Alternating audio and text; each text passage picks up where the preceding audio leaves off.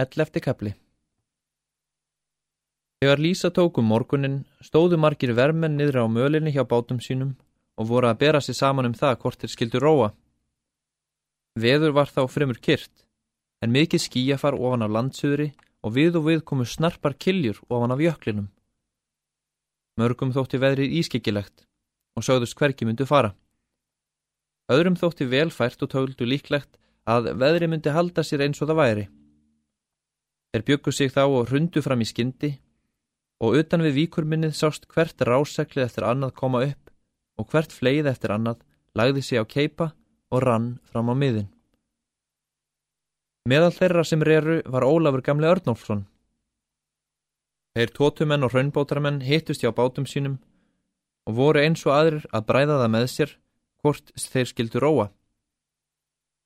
Myndi leist veðrið ótryggilegt og Salomon sem aldrei var vanur að leggja neitt til strykra mála, latti fremur fararinnar. Sigurður gamli var á stikli kringum bátira hraunbótarmanna og meðan þeir voruð að gá til veðurs og spá í skíin, stegan gætilega á ofurlittla bletti af kvítu sægi sem voru á steinunum og tróð þá ofan í mölina. Engin tók eftir þessu. Sigurður var í besta skapi, síglottandi og hafði rauðu húfuna á höfðinu.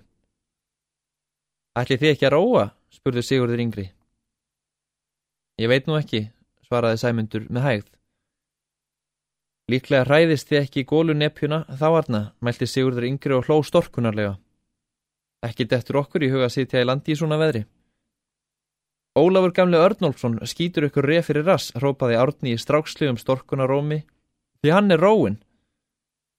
Á meðan aðtugaði Sigurður gamle árarnar í bátira hraunbótarmanna. Árar þeirra feðga voru stærri og sterklegri en dæmi voru til og ein vara ár var í bátnum af sömu stærð og styrkleik. Það er minni árar voru ætlaðar Salomoni. Sigurður snýri fyrir sér árunum og skoðaði þær í krók og kring, eins og hann hefði aldrei séð þær fyrir. Lóks mælti hann. Það er þó hægt að taka ofurlítinn barning með þeim þessum. Ég fer að smíða ykkur svona árar, strákar.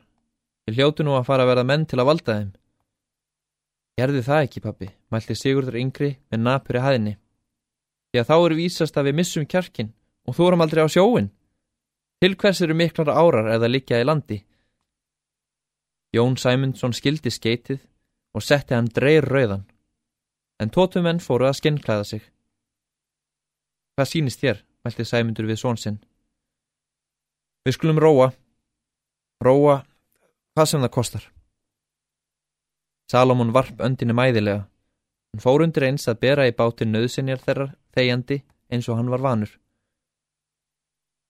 Tótumenn urðu fyrr tilbúnir og lögðu á undan hraunbótarmönnum út úr víkinni. Þar settu þeir upp seglið og sildu fram á mið. Sama gerður hraunbótarmenn. Nokkra stund sildu bátarnir þannig hver á eftir öðrum beint undan vindinum. Þegar frá landi dró varð veðrið kvassara og jafnara og sjór mjög grafin.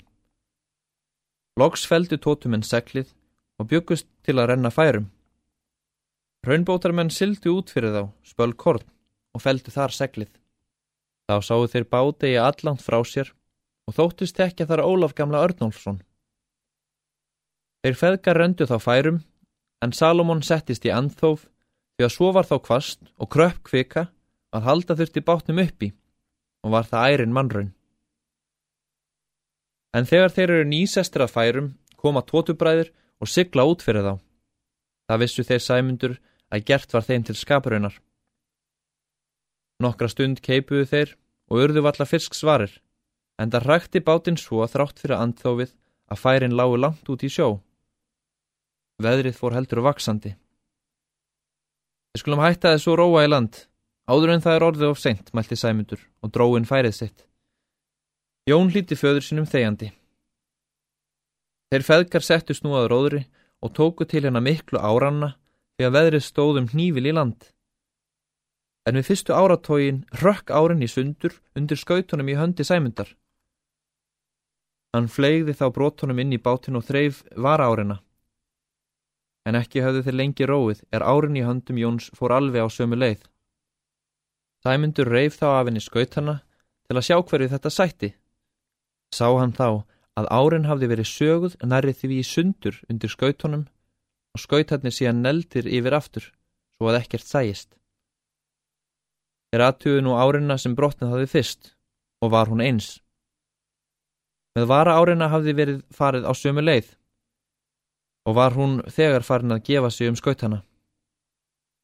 Þeir feðgar litu hvor framann í annan en sögðu ekki neitt.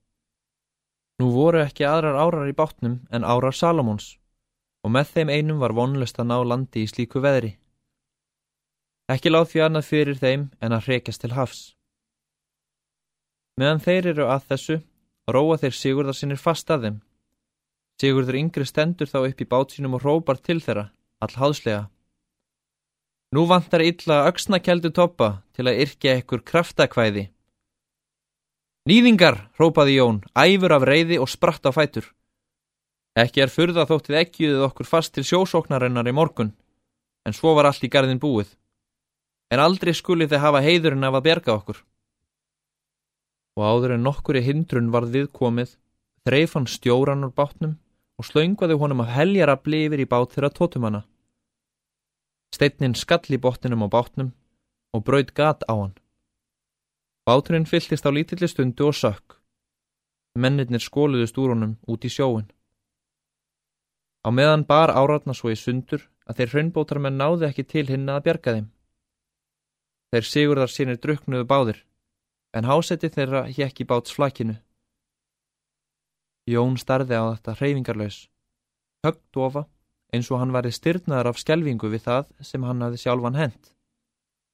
Sæmundur fadir hans var fölur sem nár. Í því sáu þeir Ólaf Örnólfsson koma róandi og bjarga hásettanum. Á meðan hafði Salomón lagt inn árarnar þegjandi og reisti nú syklutrið á bátnum. Þótt syklutrið væri þungt og Salomón nýttur og skakkur var hann orðin þessu svo vanur að honum veitti það létt. Þótt kvikvann væri mikil og báturinn flatur fyrir á meðan. Engin þeirra mælti orð frá munni. En þegar Sæmundur sá hvað Salomón hafði stað, settist hann við stýrið eins og hann var vanur. Jón horfi fyrst undrandi á þá til skiptis en svo skildist honum líka hvað þeir ætluðu sér, þótt enginn þeirra segði neitt. Myndust þeir þess allir í huganum sem þeir hafðu talað um út af lífláti axlarbjarnar. Þeglið þandist út og Sæmundur tók stefnun á norður og vestur í haf, djúft af bjargtöngum. Þá fekk Jón ákafa grátkviðu og grúfði svo ofan af þóttinni. Skelvingin fyrir dauðanum og launguninn til lífsins reðust á hann með því feikna afli sem bjó í hans mikla skapi. Hann gret með ofsá ákjæfð eins og hann ætlaði að springa. En það var einmitt hans líf sem alls engin von var um að bjerga. Og í landi byðu hans eftir vil klip og kvalir og smánarlegt líflát á laugabrekkuþingi. Sæmundur satt við stýrið, fölur, með samanbytnar varir, en fastur og einbeittur eins og hver sá maður er sem tekið hefur óbifanlegan ásetning. Salomón ferði sig til Jóns og lagði höndina blíðlega á axlina á honum.